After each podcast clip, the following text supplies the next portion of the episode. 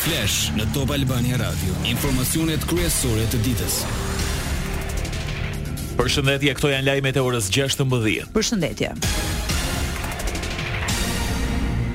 Një qytetar ndërroi jetë në mjediset e jashtme të gjykatës së Tiranës pasi ra në infarkt. Viktima u identifikua si shtetasi Ilia Drini 68 vjeç. Në gjykatë ishte paraqitur që të interesohej për datën e gjyqit ndaj tij.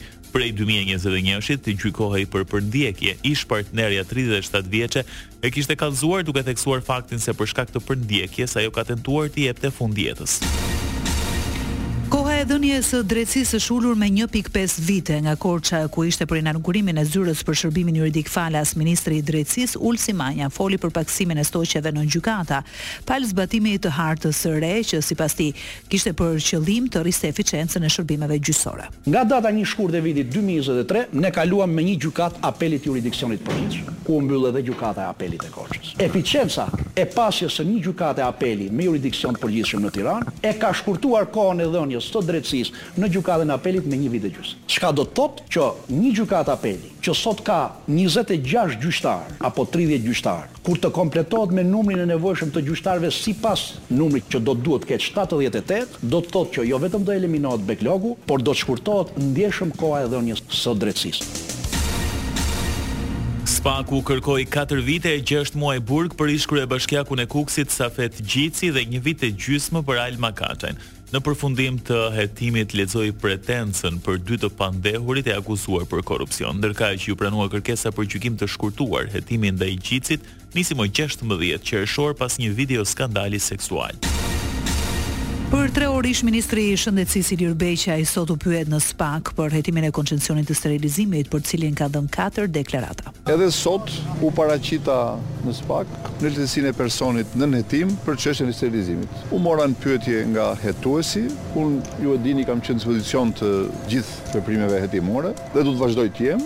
Sot vazhduam me pyetjet për çështjen e sterilizimit. Përsëri sot diskutuam edhe për gazin dhe për aneksin tetë, madje për aneksin tetë në një pjesë shumë të plotë, sepse siç e dini lidhet me këtë çështje dhe konkretisht aneksi tetë është pjesë e dokumenteve standarde të tenderit të sterilizimit. Më herët gjatë javës për koncesionin e sterilizimit SPAK-u pyeti edhe ish-zëvendës ministrin e Shëndetësisë Klodian Rrjepaj dhe sipërmarrësin Ilir Rrapaj. të cilët janë në paraburgim.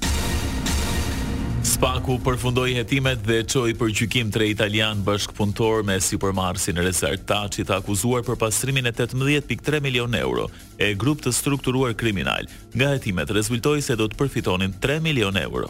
Pjesë e kësaj skeme financiare ishte dhe kryerja e disa transaksioneve në një bankë të nivelit të dytë, por pa mundur të realizohen plotësisht për shkak të ndërhyrjes së SPAK-ut. Lajmet në internet në adresën www.topalbaniradio.com. Ndryshimet në Qeveri me propozim të kryeministrit Rama, presidenti Begaj dekretoi shkarkimin e Elva Margaritit nga detyra e ministres së Kulturës e të Ervin Metes si ministër i Financave dhe Ekonomisë. Po ashtu, dekretoi emërimin e Metes ministër i Financave e të Blendi Gonxhes ministër i Ekonomisë, Kulturës dhe Inovacionit. Tashmë pritet votimi në Kuvend. Për plotësimin e vakancës në Kuvend Komisioni Qendror i Zgjedhjeve njofton kandidatin e radhës në listën shumëemërore të Partisë Socialiste në Tiranë, Plarent Ndreca.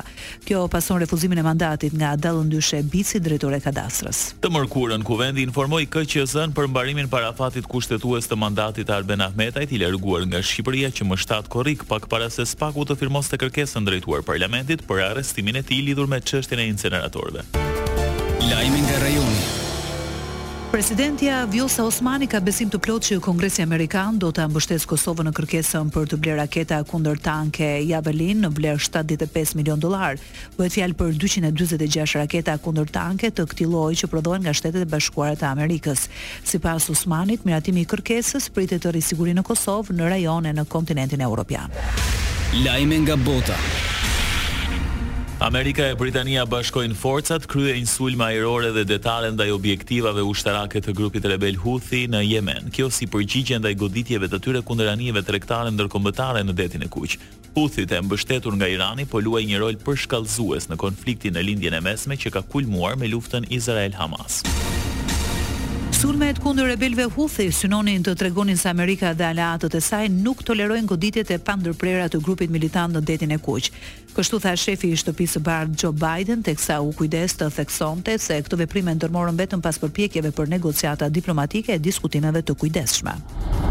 Sekretari amerikan i Mbrojtjes Lloyd Austin tha se sulmet kishin për qëllim dronët, raketat balistike e të lundrimit, si dhe radarët detare e aftësitë e mbikëqyrjes ajrore. Kryeministri britanik Rishi Sunak u shpreh se këto sulme ishin të nevojshme dhe proporcionale, por Rusia, Irani e Turqia i dënuan.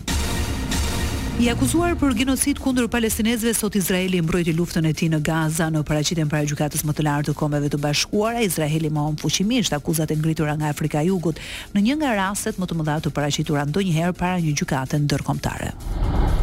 Izraeli kërkoi pushimin e çështjes duke e quajtur shpifje. Gjykatës i tha se Hamasi filloi dhunën me sulmin e befasishëm të shtatë tetorit duke vrarë mbi një mijë e dyqind persona. Ndërsa në gjykatë shfaqi pamjet e njerëzve të vrarë. Avokatët izraelitë i treguan gjykatës edhe videon e zyrtarit të Hamasit, Ghazi Hamad, i cili zotohej të vazhdonte sulmet me qëllim asgjësimin e Izraelit. Parashikimi i motit. Vendi ynë do të vijojë të ndikohet nga kushte të qëndrueshme atmosferike, ndikuar nga masat ajrore të thata dhe të ftohta me origjinë veriperëndimore, temperaturat variojnë nga minus gjashtë deri në pesëmbëdhjetë gradë